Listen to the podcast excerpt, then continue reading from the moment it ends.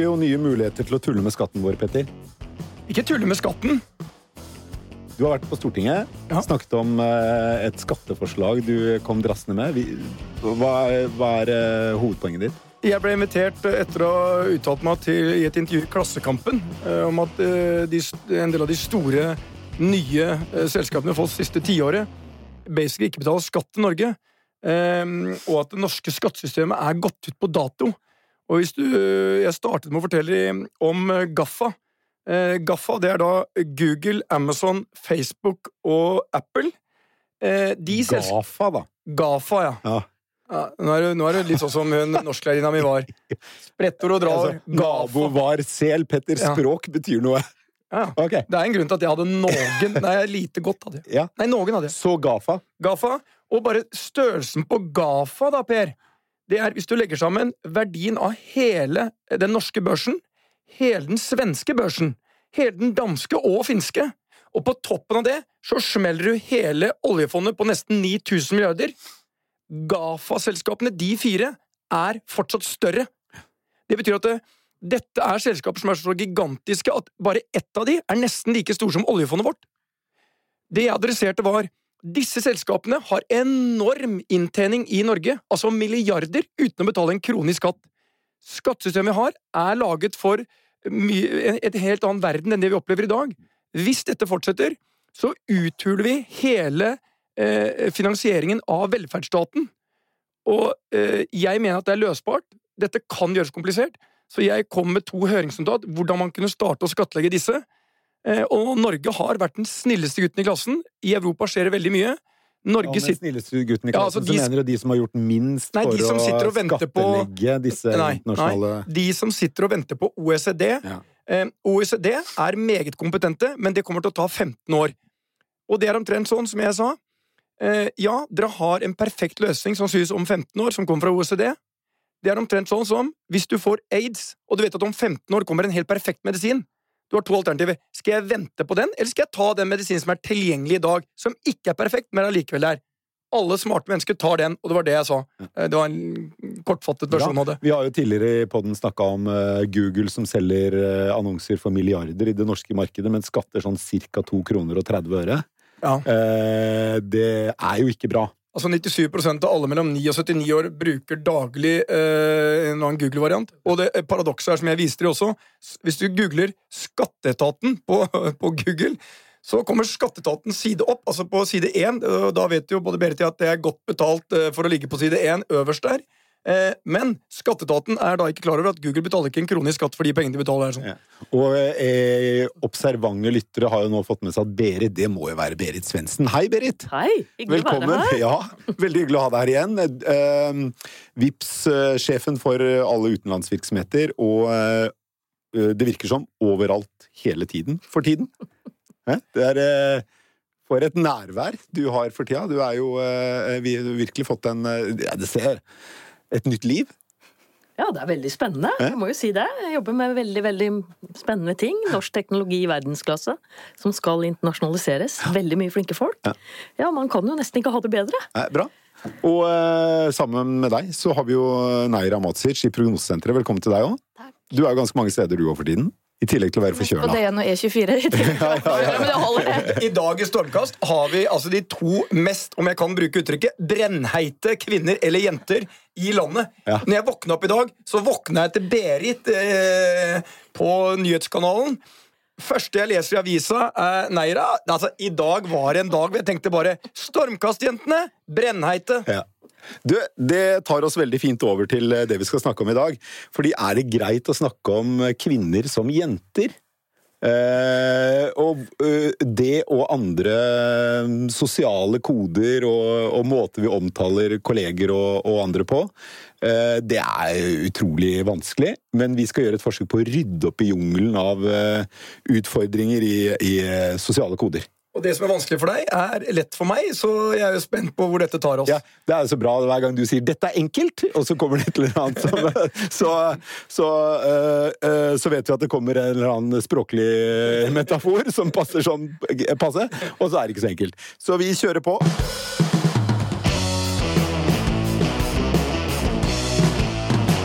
Ok, Denne uken er det jo kvinnedagen, 8. mars, eh, og i den forbindelse så kommer NRK-journalist eh, Lila Sø Sølhusvik, litt vanskelig navn å uttale, eh, med en bok om kvinners vei mot toppen i næringslivet. Og hun har jo blant annet intervjuet deg, Berit, og, et par andre tidligere direktører i Telenor-ledelsen, kvinnelige direktører i Telenor-ledelsen, om hvordan kulturen der var.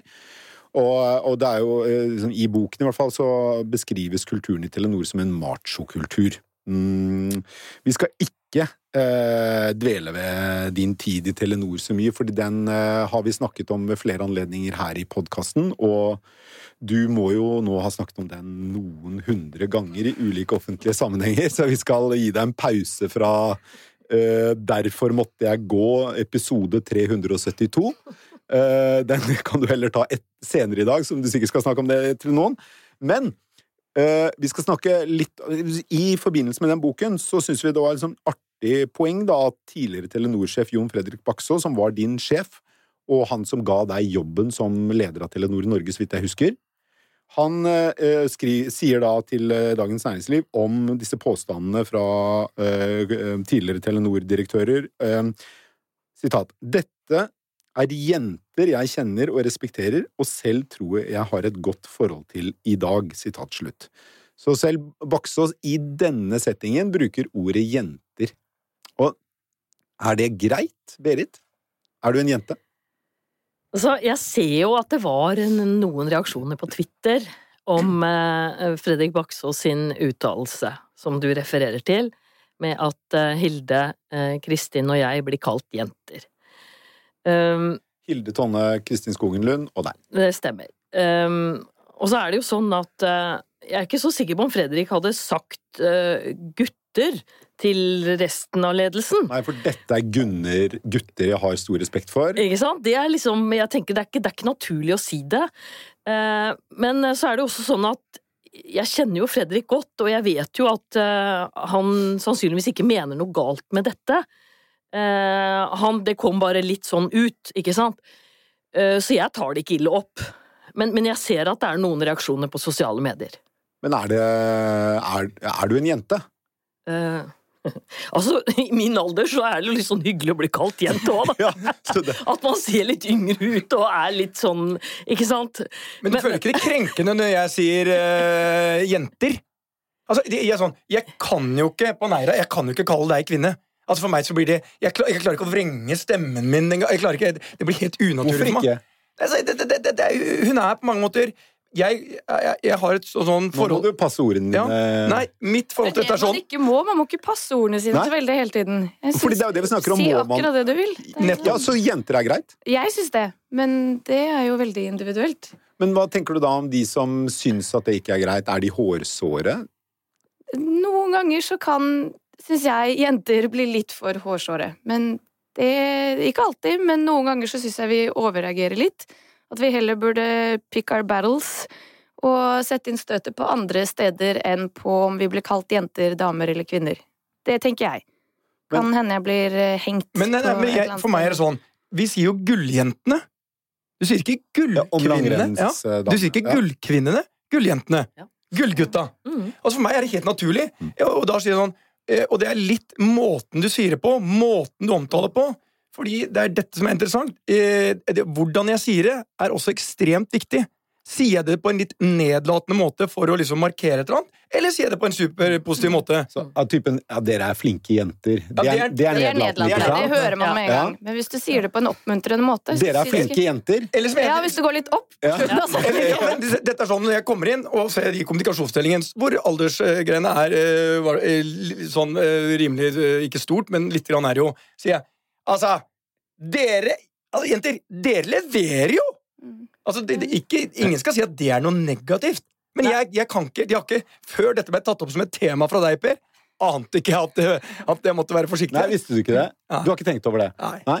Men jeg sier jo gutter. Jeg sier jo gutter også om Ja. Jeg sier gutta, så sier jeg Det kan jeg si om øh, mine to sønner. Jeg kan også si det om øh, de på kontoret, selv om Torgeir er eh, 55, liksom. Sier jeg gutta, nå må vi skjerpe oss. Er, det, eh, Det med gutta, det har vi hatt et problem med i prognosesenteret, men det har vært på fotballaget vårt. Vi spiller jo i bedriftsligaen. Og på det laget så er det ti-tolv gutter og én jente meg, og en jente til som pleier å være med. Så vi er maks to. Og de løper rundt på banen og skriker 'kom igjen da, gutta', kom igjen da, gutta, hele tiden. Og det syns jeg er litt irriterende. Det skjønner jeg. For, for Fordi vi, det er, er jenter på banen nå. Der er det jo ekskluderende. Det, det er jo ekskluderende. De heier på alle sagt unntatt dere om. to. Ja, ikke sant? Og da, da er de sånn Ok, da skal vi bare si 'kom igjen, da', kom igjen da. Ikke noe jenter eller gutter. Så det driver de og øver på. Men noen mener jo at det er ah, så politisk korrekt. Eller hvis du er, på feil, hvis du er i ferd med å gå litt feil der, så kan du si det. Kom igjen, da, gu, gu, Gullet! Gå i ja, alt! Men vi syns jo det er gøy. Altså, jeg, blir jo ikke, jeg blir jo ikke fornærmet, men mens jeg løper rundt og svetter og gir alt, og så hører jeg bare 'kom igjen da, gutta', 'kom igjen da, gutta' 100 ganger i løpet av en kamp. Det blir jo nesten litt komisk. Men, Be- Berit, Men Berit, hvis du da, når vi er inne på dette, er du på fornavn med de fleste? Nå har du begynt i et nytt selskap. Er du på fornavn med alle, uavhengig av alder? Ja, Du er det? ja jeg er det. Um, absolutt. Jeg syns det er en veldig fordel, jeg. Ja, jeg la merke til at Første gang vi møttes, så sa du ikke herr Stordalen. Nei. Nei, men det var ikke naturlig. Jeg Ja. Altså, også hvis det er en minister og sånn, så, så omtaler jeg da hele du- navnet. Du gjør det? Ja, jeg gjør det. Så du sier herr Stoltenberg hvis du møter han? Eh, ikke herr Stoltenberg, men jeg ville jo da sagt Jens Stoltenberg. Sier du Jensen til Siv? Eh, Siv Jensen ville jeg da sagt. Til, også når du snakker med Siv Jensen. Uh, nei, da ville jeg jo, hvis jeg hadde en, en sånn fortrolig samtale, så ville jeg da begynt å bruke fornavn. Men jeg bare tenker på det med hvis man sier 'flinke jenter', det klinger dårlig hos meg. Ja. Det er et sånt uttrykk som jeg har unnlatt å bruke, for jeg har hatt veldig mange dyktige damer rundt meg i årevis. Uh, så jeg har brukt dyktig isteden, for flink det blir liksom en sånn flink pike-syndrom som, som jeg ikke liker så veldig godt. Jeg liker ikke å bli omtalt som en sånn flink eh, pike selv heller, så der passer jeg meg litt. Men uh, jenter syns jeg er uh, Men Jeg synes det er men møter noen med ordentlig autoritet og litt mange vinkler på skulderen, da er du på etternavn. Eh, ja, hvis det er en eller annen generalmajor, så er jeg kanskje litt på etternavn. Men er det da jeg, er jeg, jeg har mye å lære her. Jeg, Men jeg er jo helt ute å kjøre. Jeg er på sånn Siv og Jens og sånt noe. Jeg er jo helt Men i Porsgrunn så hadde vi ikke de der Det var så veldig få de der eh, med mye sånne gull på jakkeslagene. Men i, i, med din profil, din væremåte, alle vet hvordan du oppfører deg, så hører, ville det jo kanskje vært litt underlig om du sa dette er meget dyktige kvinner, som jeg har den største respekt for. Sant? At du dro den tonen, ville kanskje overraske en del, da, og det ville ikke vært helt pettersk. Men eh, når eh, lederen, og, den- eller den tidligere lederen for Telenor eh, som er et ganske annet type selskap med en ganske annen type kultur enn Choice, bruker jenter, og spesielt i denne sammenheng, når man snakker om en machokultur eller ikke en machokultur i Telenor, blir ikke det noe ganske annet? Så, som, som jeg sa, så, så veier jeg mine ord når jeg snakker om alle de flinke, eh, eller dyktige damene jeg har hatt rundt meg. Jeg bruker ikke kombinasjonen flink og pike, eh, så da vrir jeg på det. Eh, fordi jeg tenker at som, som leder så må man eh, i den riktige sammenhengen eh, tenke litt igjennom det. Men som jeg sier, jeg kjenner Fredrik veldig godt, og jeg vet at eh, han ikke mente noe galt med det.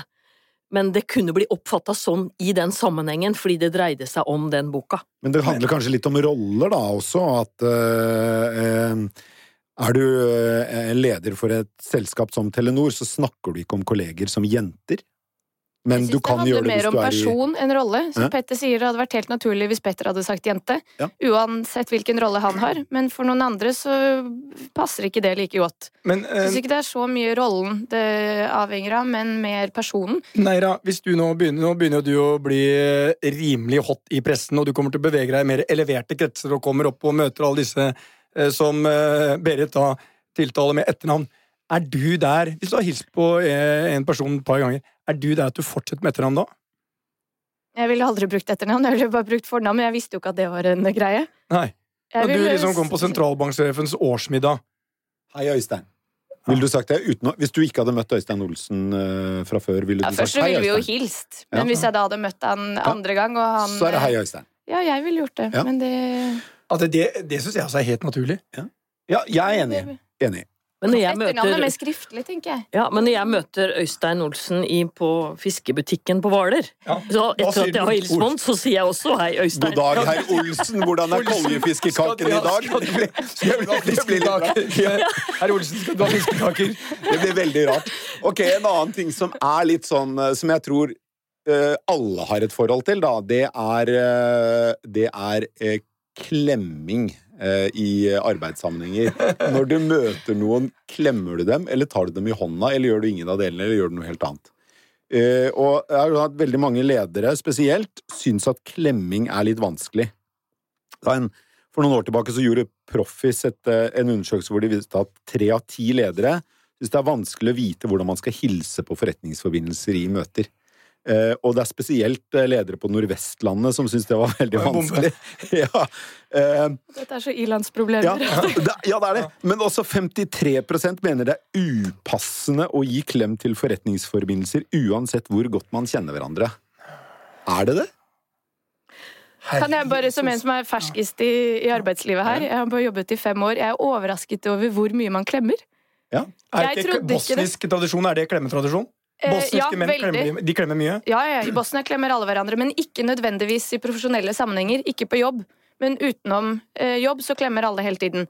Eh, så jeg har vært overrasket i disse fem årene Ja. over hvor mange klemmer er man kan få. For jeg er glad i å klemme, så jeg tar de klemmene jeg kan få. Men jeg er litt overrasket over tilbudet av klemmer. Du syns tilbudet er for stort? Nei, det, det, jeg jeg syns det er passe, men det er mer enn det jeg hadde sett for meg. Jeg Jeg trodde vi skulle klemme mye mindre Ja. i arbeidslivet. Jeg trodde det skulle være mye mer håndhilsing. Ja. Er du en klemmer, Berit? Ja, og jeg er jo fra Fredrikstad, så jeg er ikke fra Nei, du er fra Kråkerøy. Ja, ikke sant? Og der er- liker vi Det er jo et mye mørkere sted. Ja, vi gjør det. Jeg er litt sånn uformell Ja, du litt vokste opp på Kråkerøy, så tåler du det meste. Ja, ja, og bestefaren min var melsjauer på den Nofas, og dette, dette er jo liksom vokst opp med å klemme. Det er veldig hyggelig. Eh, Men jeg tenker at det er veldig viktig å vurdere altså hvem er det som kommer på et møte, hvilken situasjon er det man skal diskutere Vanskelige ting man skal diskutere, som ikke sant, komplekse problemstillinger, så vil jeg ikke klemme så mye. Da kan jeg kanskje klemme i det vi går, liksom hvis vi har hatt et godt møte, men jeg ville vurdert situasjonen litt, for det er ikke alle sammenhenger Hvis møtet er dårlig, klemmer du ikke. Og hvis møtet er godt, klemmer du. Det passer, Men du, det er, du, det er du er litt sånn sånn- avventende er klemmer. en god syretest. Ja, for jeg tenker at Ja. altså, Har du vært på møte med Berit og ikke får en klem? Ah, det var ikke så bra møte! Ja, men jeg har vært på en del møter i mitt profesjonelle liv med en del offentlige myndighetspersoner. Og der, altså, noen ganger så er jo de møtene liksom man må sitte og prøve å tolke ansiktsuttrykkene for å se er det mulig å, å se hvordan dette går i hele tatt. Ikke sant? For det er jo noen som har steinansikter under hele møtet. Um, så dette er jo litt vanskelig, og da er ikke første du gjør når du kommer inn på møtet og begynner å klemme, liksom. Eh, og det er kanskje ikke det siste jeg gjør heller, hvis det har vært steinansiktmøte, for det passer bare ikke inn i sammenhengen. Men hvis møtet gikk bra, i dette tilfellet kunne du gitt klem på slutten av møtet? Nei, ikke hvis det er eh, ikke passer sånn. Nei. For at, altså, dette kan jo komme uheldig ut. Jeg, jeg tenker litt på, på Trond Giske. Han prøvde jo å klemme Jens Stoltenberg på 40-årsdagen, og det gikk jo ordentlig dårlig, ikke sant? Et Vondt øyeblikk. eh. Men det var vondt for alle. Ja, det var vondt for alle. Virkelig. Det var ikke bare Trond Giske det var Nei, vondt for. nei, det var skikkelig vondt. Og han måtte jo vente ti år før han fikk sjansen igjen, Ja. når Stoltenberg ble 50. Ja. Og da gikk det jo litt bedre. Ikke sant? Det kunne jo alle se. Så det, er sånn, det blir pinlig hvis det ikke passer sånn, og det må jo være to om saken. ikke sant? Det kan jo ikke være én som vil klemme og den andre ikke, for da, det blir veldig, Nei, veldig For å bli left hanging på en handshake, det er jo ganske flaut. Men å bli left hanging på en klem, Ikke sant? det, Men, det det er, men her er også veldig mye med hvordan du klemmer. Og det vi glemmer også, det klemmes forskjellig. Klemming er jo ikke noe eh, bosnisk eller norsk fenomen. De klemmer forskjellig. Og nå skal jeg bare ta en test på deg, Per. Ja. Skal jeg vise da først en norsk klem. Eh, Ja. Nå er, nå er eh, Menn vi begge imellom eller kvinner ja, Nei, nei. Eller- jeg skal jo klemme deg. Du er ikke Ja. noe klemmer. Du har handa framme når jeg kommer Når jeg møter deg i podkasten, så er det handa framme. Ja. Og da, hva skal jeg gjøre da? Skal jeg finte handa di til venstre som så klemmer deg? Dette er sånn du skal møte meg neste gang. Følg med nå. Neste gang, Så kan, da gjør vi sånn, og så gjør vi sånn. Ja, også der, Men det er klapp på skulderen. Det er klapp. Det, det er jo ikke stryking. Nei, nei, det er gutt, ikke noe stryking. Men så, nå er jeg en amerikaner. Ja. Nå er jeg amerikaner. Og du er der. Er og ikke vi, det sånn? Det, det er, nå skal jeg vise nå, Vi skal jo klemme, vi skal ikke hilse. Så ok, Jeg er amerikaner, Det burde vært video her. og du skal nå klemme meg. Er du klar? Jeg er klar. Ja, vi kommer. Jeg kommer, her, kommer jeg gående? Ok. Nei, nå er du helt ute å sykle. Nå, nå, følg meg. Nå skal jeg Nei, jo, jo, jo, jeg vet jo hvordan du gjør det. For du gjør sånn. Og så, Sånn, ja. se her nå. Nei, du er ikke inntil sånn. Men du er liksom Du er her. Det er der. sånn. Ja. Ja. Det er høyre, høyre hånd, skuldrene mot hverandre, og så litt sånn. Ja. Det er, det er sånn. Og hvis du kommer med norsk klemming da, sånn da, nettopp det, det, ja, blir, det blir feil. ja, det blir feil. Men, og jeg er sånn Det, det er sånn klemming. Jeg skal gi dere eh, Petters klemmekurs. Torgeir Silseth, min sjef gjennom eh, over eh, 25 år, han klemmer jeg. Men når jeg er på kontoret, så kan ikke jeg fly og klemme han hver gang jeg ser han. Det blir litt slitsomt. Ja, Det ser litt rart ut. Ja. Så når vi er i eh, kontorsetting, så klemmer jeg han ikke. Advokaten min Henrik, når vi møtes, så klemmer jeg han ikke. Hvis jeg, hvis jeg er veldig lenge siden jeg har sett den, da klemmer jeg han. Er jeg på hytta, da klemmer jeg han. Men dette, dette faller naturlig. Vi må liksom, du må ikke gå og tenke så jævla mye når du skal klemme. Du må klemme fordi du har lyst til å klemme. Hvis jeg møter Nei- eh, Neira, vi møtes på, hvis jeg møtes på byen, så gjør vi sånn. Hei! Sånn gjør vi da. Men OK. Men, Men kan jeg bare si én ting? Kjør på, Neira. Jeg har driti meg ut skikkelig når det gjelder det her, og jeg følte meg litt som Trond Giske. I november så var jeg i Paris på en konferanse. Som jeg, jeg drar og møter disse menneskene hvert halvår. Eh, Det er en gjeng med analytikere rundt om i Europa som gjør det samme som det vi gjør.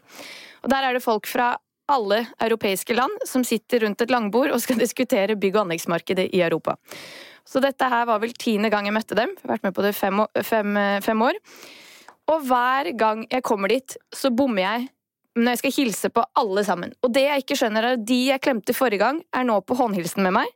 De jeg kysset to ganger på kinnet, de er nå på tregangeren. For det gjør de i Sveits Sveits, og sør i Frankrike og sør i Italia, noen av provinsene. Ja, men ikke andre provinser. Så jeg var bare sånn, jeg, var, jeg bomma uansett hva jeg gjorde. Og de, de gangene jeg gikk for en klem, de skulle ha en hånd. Det var han tyske representanten. Han skulle håndhilse. Og det er bare sånn, Jeg har aldri følt meg så lost Så og kom så han dum. der sveitseren med tre kyss, liksom. Han skulle ha tre kyss, Ja, og da, ga jeg, og da gikk jeg for to. Ja. Ja. Det var bare, jeg Det var må ha vært off. fem vanskelige minutter. nei, men, men, Nei, det varte et kvarter for mange, hele Europa. Men da skal jeg lære at trikset er eh, ta initiativet, men så er du bare avventende, så lar du han kysse tre ganger. Altså, Dette er jo mannen som kan styre. Men i, i, i jobbsammenheng så uh, uh, uh, Menn og kvinner kan klemme hverandre. Kvinner og kvinner kan klemme hverandre, men det er jo veldig sjelden at menn i forretningssammenheng klemmer hverandre. Ja, det er han kollegaen min, han som er 70 år gammel, som eh, jeg jobber med her i mitt team, en teori på. At det er fordi menn har klemt så mye de siste årene at sædkvaliteten har gått ned, og at vi får færre barn. Ja.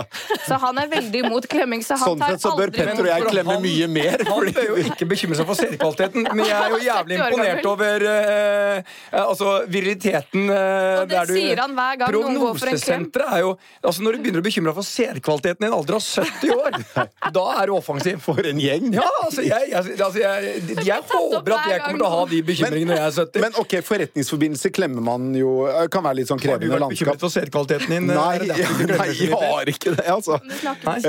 Og, men eh, em, kolleger er det jo vanligere å klemme hvis man har liksom eh, oppnådd et kanonbra resultat eller et eller annet. Eh, I ledergruppa i Telenor, da, var det mange klemmer der? Klemte du Baksås? Har du noen gang klemt Baksås? Ja, ja jøss. Vi har jo Altså, når jeg ser nå, så gir jeg han en klem. Det har vært klemming. Ja, ja, ja. Har du Absolutt. noen gang klemt Sigve Brekke? Eh, det tror jeg kanskje ikke at jeg har gjort. Nei. Ville du klemt ham hvis du møtte ham nå? Eh, det er jeg ikke sikker på. Nei. Men jeg, jeg klemmer når jeg treffer Hilde Tonne, Kristin Skogen Lund, Ja, det er eh, Stein Erik Velland, alle de fantastisk gode kollegene jeg hadde. Jeg- Hver gang jeg treffer en, en tidligere ansatt, og de var det jo mange av, så gir jeg dem en ordentlig stor og god klem. Mm. Og det føler jeg er litt sånn gjensidig. Det er veldig, veldig hyggelig. Men det er ikke litt forskjell på miljøene også? Altså, Kommer du i et litt sånn konservativt finansmiljø på Stureplan eh, Jeg klemmer liksom Jeg tror jeg klemmer litt mindre der. Ja, man gjør jo det. Ja, jeg tror det. Men det er jo litt tilbake til mitt poeng med Jeg klemmer også. ikke klemmer ikke bankforbindelsen min. Møter jeg Rune Bjerke, så starter jeg ikke med å klemme han. Selv om jeg kaller han Rune. Jeg kommer fra en klemmebedrift. I prognosesenteret så klemmer vi som bare det. Gjør du det? Ja. Ja, men eh, kanskje tiden. de i DNB har tenkt mer på at det kommet lenger når det gjelder den der teorien om sædkvaliteten. Ja, det kan hende. Men For de banker- lever jo faktisk at vi skal bli flere i det landet her. Ja, men banker er jo, det er jo et konservativt miljø i bankene. Så, så det er litt sånn forståelig, ikke sant. Der har man fremdeles eh, veldig sånn finansdressa opp og, og alt skal være på, på stell, og det er veldig, veldig bra. Um, så, så det er jo litt sånn der at der klemmer man ikke så mye. Er det mer klemming i Vips enn det var i Telenor? Ja, i Vips er det mye Der er det mye klemming. Ja, det er hyggelig, men det er jo sånn, vi kan ikke gå og klemme kollegaer hver eneste dag vi treffer dem. Det er jo som Petter sier, hvis vi treffer dem, eh, det er lenge siden jeg har sett dem, treffer dem på gata, eller hvis vi treffer dem på hytta, mer uformelle sammenhenger, så er det jo veldig naturlig å klemme. Og så er det én ting jeg syns hvis, hvis du vet det har skjedd et eller annet, eller de har hatt en periode som er tung, eller et eller annet For, for meg så er dette Det er helt sånn eh, Det er ikke noe jeg tenker på, det faller meg helt naturlig. Hvis jeg vet at det er en som har hatt det kjempetøft, selv om det er på jobben, så klemmer jeg vedkommende og sier Du, fantastisk hyggelig å se deg, håper det går bra, og liksom, eller et eller annet sånt. Ja. Ok. Uh, vi, vi tar en siste mm, i- i sosiale koder i jobbsammenheng her. Uh, og det er klikker på jobben. Eh, fordi eh, du skulle si klining på jobben! Ja. Klining på jobben, det er en helt annen Ja. ja. pod. Men på mange arbeidsplasser så er det jo eh, formelle og uformelle nettverk. Enten det er eh, altså, kvinnenettverk for å få flere kvinner opp i, i ledende stillinger, eller det er eh, vinklubber, løpegrupper, eller hva det enn eh, måtte være. Og i noen sammenhenger så blir jo eh, disse eh, nettverkene ganske dominerende. Eh, og de kan eh, ta over en stor del av mm, the office chatter. Eh, um, hvor går grensen for hvor tydelig et nettverk i jobbsammenheng kan prege arbeidsmiljøet, Berit?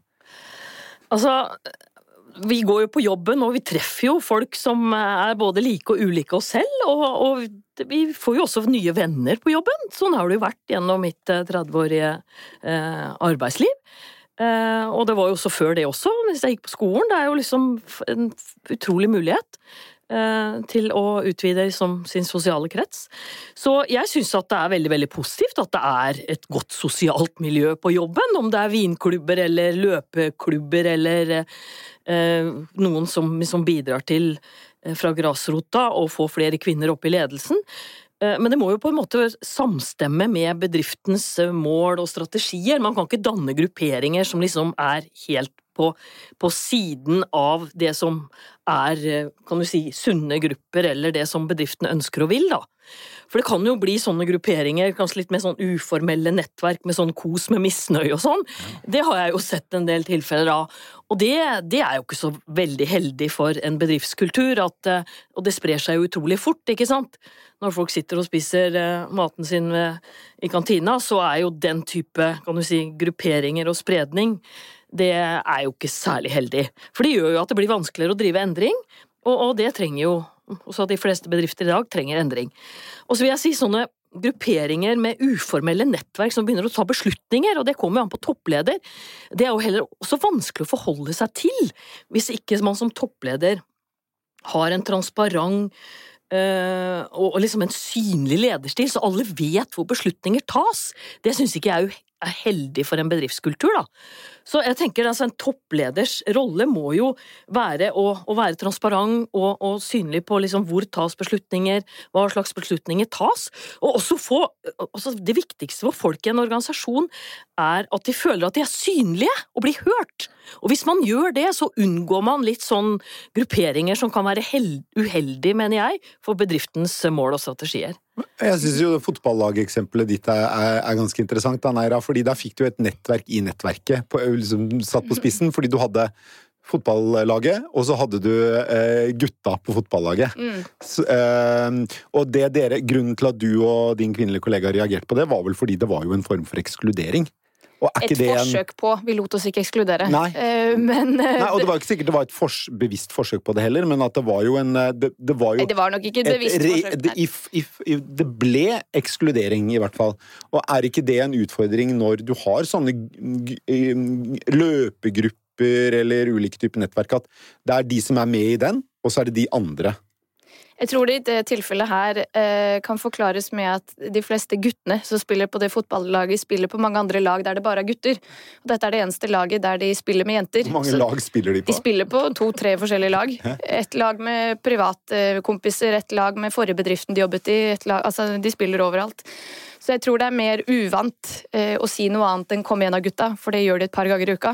Så jeg tror ikke det er noe bevisst i det hele tatt. Og vi sier jo ifra, og da Er det det de mye subkulturer på prognosesenteret? Nei, og det er fordi vi er et så lite selskap. Så jeg tror nok disse vinklubbene og løpeklubbene som gjelder større selskap. For hos oss så er alle blir invitert med på alt. Eh, og så er det veldig tilfeldig hvem som blir med på hva. Så de som løper sammen ene uka, er kanskje ikke de samme som løper sammen neste uke. Og de som er ute og drikker vin sammen ene uka, er ikke de samme som gjør det neste uke. Så det er veldig tilfeldig. Det er ikke noen klikker.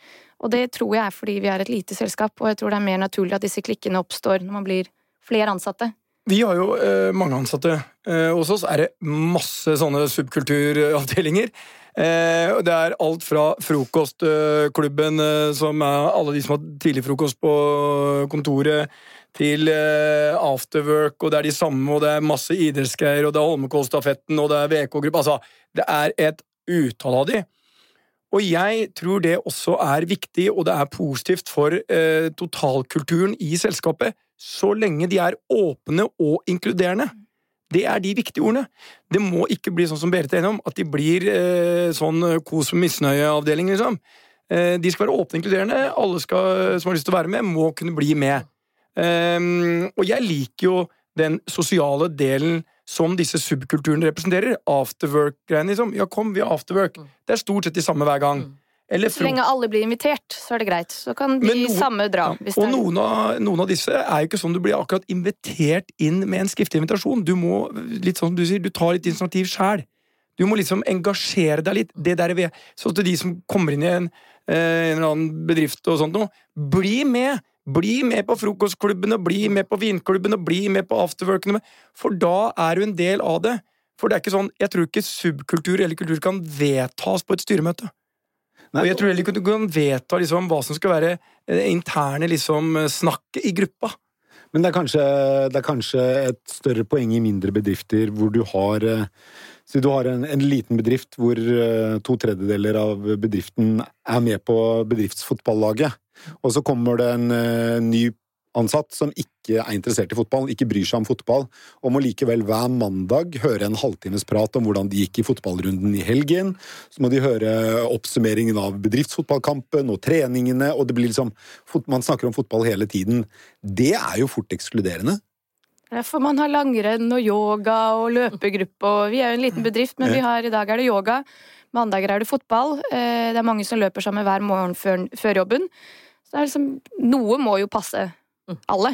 Ellers så er det jo bare Ok, nå må jeg velge eh, trist, liksom. Hvis du ikke har noen interesser. Hvis du ikke kan løpe og ikke spille fotball, ikke drive med yoga, og ikke være med på langrenn. Da kan du gi han eller hun eller hen en klem. Ja. Da kan du være med i klemmegruppa. Rett og slett. Eh, ok, så, så dette siste det var ikke noen stor eh, issue i, i form av sosiale koder. Av de vi har snakket om, hva er det største? Er det å omtale kvinner som jenter? Er det eh, hvor krevende det er å vite hvem man skal klemme eller ikke? Eller er det sosiale klikker på jobben? Hva er det mest kinkige, syns dere? Jeg syns uh, Neira sa det veldig presis. I dag skal vi diskutere ilandsproblemer. og av de så velger jeg eh, eh, For meg er det enkelt. Uh, det er eh, kvinner og jenter. Kvinner og jenter. Men sa ikke du at det ikke var noe sak? Men jeg må jo velge igjen, da. Det er ingen av disse tingene er en sak for meg. Klemming, klikker, klining, eh, grupper. Altså, Det du yeah, sier- bring it on! Petter, det du sier er jo at vi har jo nettopp tilbrakt en halvtime vi aldri får igjen. Det er helt riktig. Dette, dette blir bare diskutert én gang i podkasten. Det er veldig trist, men jeg håper eh, vi ikke har skremt bort alle lytterne. Men da, da kjører vi på rett til jordbæret.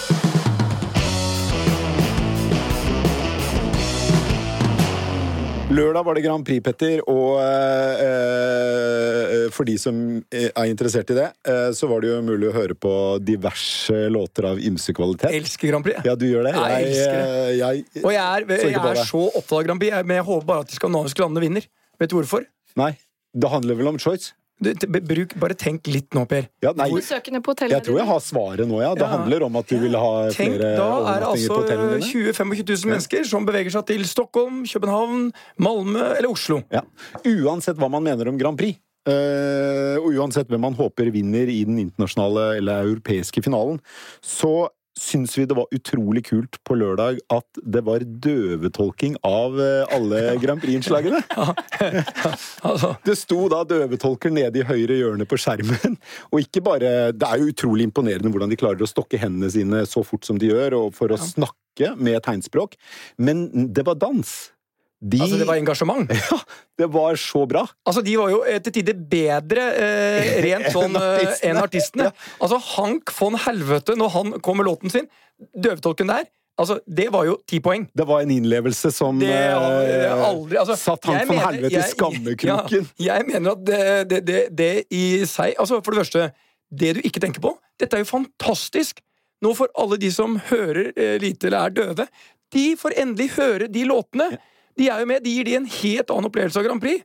Så jeg elsker jo. Det er fantastisk. Ja. Alle skal med. Det er utrolig bra inkludering. Og så er det sånn med litt glimt i øyet, og jeg vil tro at de døve også syns det var ganske artig å se disse døvetolkene danse og gjøre sine beste, beste versjoner av Grand Prix-låtene.